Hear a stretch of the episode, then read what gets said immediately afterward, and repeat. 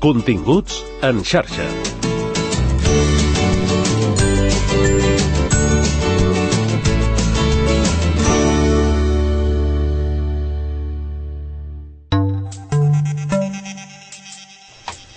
Una proteïna atípica accelera la generació de cèl·lules tumorals en càncers de mama i de pulmó. Ho ha descobert el grup d'investigació Atypical Cyclins de la Universitat Internacional de Barcelona i s'ha publicat a la revista Molecular Oncology. Es tracta de la proteïna anomenada ciclina I, una ciclina que fins ara no se sabia si participava en el cicle celular. En parlem amb una de les investigadores que ha liderat el projecte, Núria Massip. Benvinguda. Hola, bon dia. Quina és la, la rellevància o la transcendència del descobriment que, que heu fet? Doncs mira, la rellevància del nostre estudi és que fins ara estava descrit que, que la majoria d'aquestes proteïnes que anomenem ciclines um, estan presents en la majoria de, de càncers participant en, la, en, en com es divideix una cèl·lula. Uh, dins d'aquest grup de ciclines n'hi ha unes que es van descobrir fa uns 20 anys, però que tot i així no estaven massa estudiades. No en tenim massa informació, no sabem quina funció duen a terme, si també controlen la divisió o no, però sí que s'havia vist per diversos estudis que estan sobreexpressades en molts tipus de càncers. Això vol dir que, que podria ser que tinguessin un paper en què la cèl·lula doncs, es descontroli i que es divideixi més ràpid, que és el principal problema de les cèl·lules tumorals. Així que el nostre grup va decidir estudiar una d'aquestes ciclines que anomenem atípiques i efectivament hem trobat que en càncer de mama i pulmó està sobreexpressada i precisament també el que fa és activar i descontrolar la divisió de les cèl·lules tumorals, principalment en càncer de mama i pulmó. Molt bé. Um, com, com és que, vull dir, era desconeguda aquesta, um, aquesta proteïna, diríem, aquesta ciclina, en, en, en quin sentit? Més que, que fossin desconegudes, és que fins que no es van millorar les tècniques de seqüenciació de, de l'ADN per saber exactament com és tota la seqüència del genoma, no s'havien encara descobert diferents regions que al final el que fan és uh, traduir-se en proteïnes com que les tècniques de seqüenciació no van millorar fins fa uns anys, doncs aquestes regions eren desconegudes. Aleshores, quan tot això va evolucionar i es, poder, es va poder seqüenciar el genoma per complet, que va ser l'any 2003-2004, van començar a sorgir moltes proteïnes que no sabien que existien i una d'aquestes van ser doncs, aquestes ciclines que hem anomenat atípiques mm -hmm. i que en el nostre grup ens centrem a, a estudiar quina funció tenen. Molt bé. Hem, has comentat que, el, que només eh, s'ha descobert aquesta sobreexposició diríem, eh, a la, en els càncers de mama i de pulmó.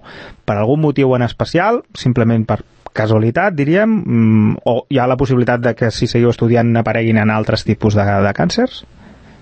Podria ser que estigués sobreexpressada també en altres tipus de càncers, no ho descartem perquè nosaltres no ens hi hem centrat, però és veritat que cada càncer, tot i que ho englobem en una sola paraula, són molt diferents entre ells, genèticament també són molt diferents, tenen anomalies que no estan entre tots. La paraula càncer probablement amb els anys evolucionarà perquè per anomenar-los a tots ja es queda massa curta.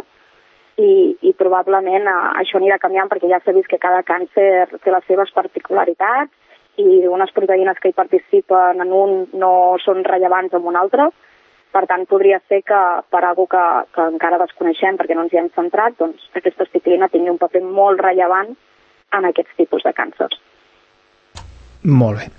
I, diríem, aquest descobriment que, que heu fet ara, evidentment és com no, és la, la llavor de, del que pugui venir més endavant, no?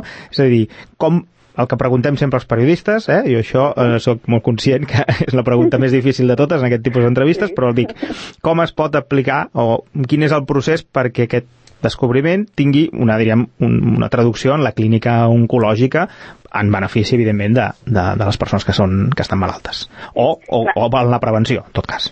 Sí, exacte.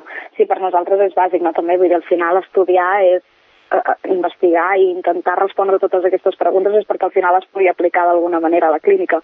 És veritat que nosaltres ho diem des d'un punt de vista d'una clínica molt bàsica, que de moment simplement hem estudiat una proteïna, que hem trobat que està més expressada del que toca en uns càncers concrets, i que això que té una rellevància en com es divideix la cèl·lula. Per tant, només aportar que ja hi ha una proteïna que fins ara no s'havia descrit en aquests tipus de càncers i ni tan sols se sabia que podia tenir un paper en controlar la divisió de la cèl·lula, això ja és un punt molt important de partida per començar a fer screenings d'aquests tipus de càncer amb, amb potser mirant aquesta diana, no? S'ha convertit en, en una possible diana terapèutica per, per intervenir de maneres ja estratègicament diferents aquests càncers de mama o càncers de pulmó en, en la clínica. Llavors esperem que es converteixi això en una diana terapèutica a l'hora de dissenyar noves estratègies farmacèutiques o que potser es pugui combinar amb els fàrmacs actuals del mercat. Mm -hmm. Segur que cada vegada que hi ha una investigació i arriba, diríem, a bon port, o possiblement també en les que no acaben en res, no? Però segur que t'obre altres portes, no?, per, per seguir um, investigant o dir, mira, m'he trobat aquesta porta tancada, però he descobert que n'hi ha una altra al costat i, i anem a, a obrir aquesta. En aquesta investigació, diríem, què és el que, diríem, què us porta a investigar més endavant, i si, si ho fareu, i, i en tot cas, si no, doncs, quin, quines derivades pot tenir aquesta investigació? Mm. Sí, per suposat. A mi sempre m'agrada dir que, tal com diuen altres autors, que, que al final el coneixement és poder, no? I, i saber que les, a, a nivell biològic totes les vies que, que controlen tots els processos que duem a terme al dia a dia són molt complexes i participen moltíssimes proteïnes i moltíssimes molècules, aleshores que només una estigui alterada pot fer que al final no es tradueixi en un efecte molt considerable, però és veritat que saber que, que existeixen altres proteïnes no?, que participen en certs processos que fins ara no ho sabíem, sí que implica llavors que, que puguem uh, aprendre més no?, d'aquell procés biològic i que, per tant, tinguem noves estratègies a l'hora de tractar-ho. La nostra rellevància també de l'estudi és que aquesta proteïna no ho fa ella sola, tota aquesta funció, sinó que ho fa amb una altra proteïna que es diuen CDKs, que també tenen una rellevància molt important a l'hora de com es divideix una cèl·lula en el cicle celular i també això no estava descrit fins ara. Amb la CDK que hem dit que fa aquesta funció, fins ara se sabia que només feia parella amb una altra ciclina concreta i, i mai se, li havia descrit cap altra parella possible. Aleshores, saber que ho fa amb una altra proteïna que fins ara no se sabia i, i que tenen aquest paper en aquests tipus de càncers, doncs ens agradaria centrar-nos en, en com poder intentar inhibir l'activitat d'aquestes proteïnes amb, amb fàrmacs existents o intentar-ne desenvolupar una nou. Molt bé. El, aquest 4 de, de febrer és el, el Dia Mundial de, del Càncer i, i, uh -huh. i se n'ha parlat molt.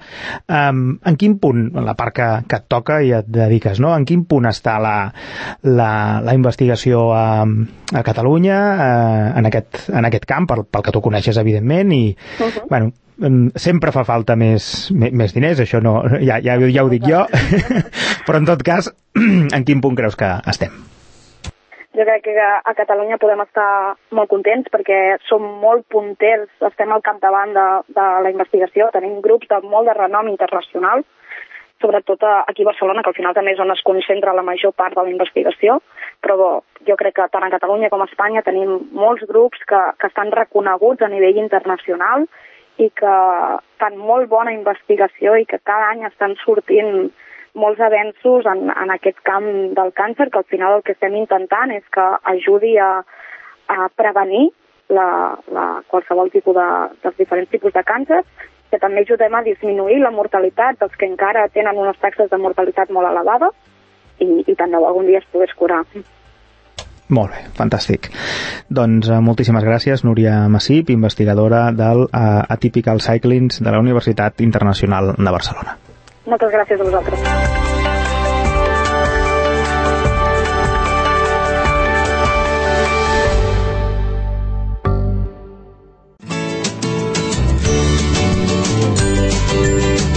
Continguts en xarxa.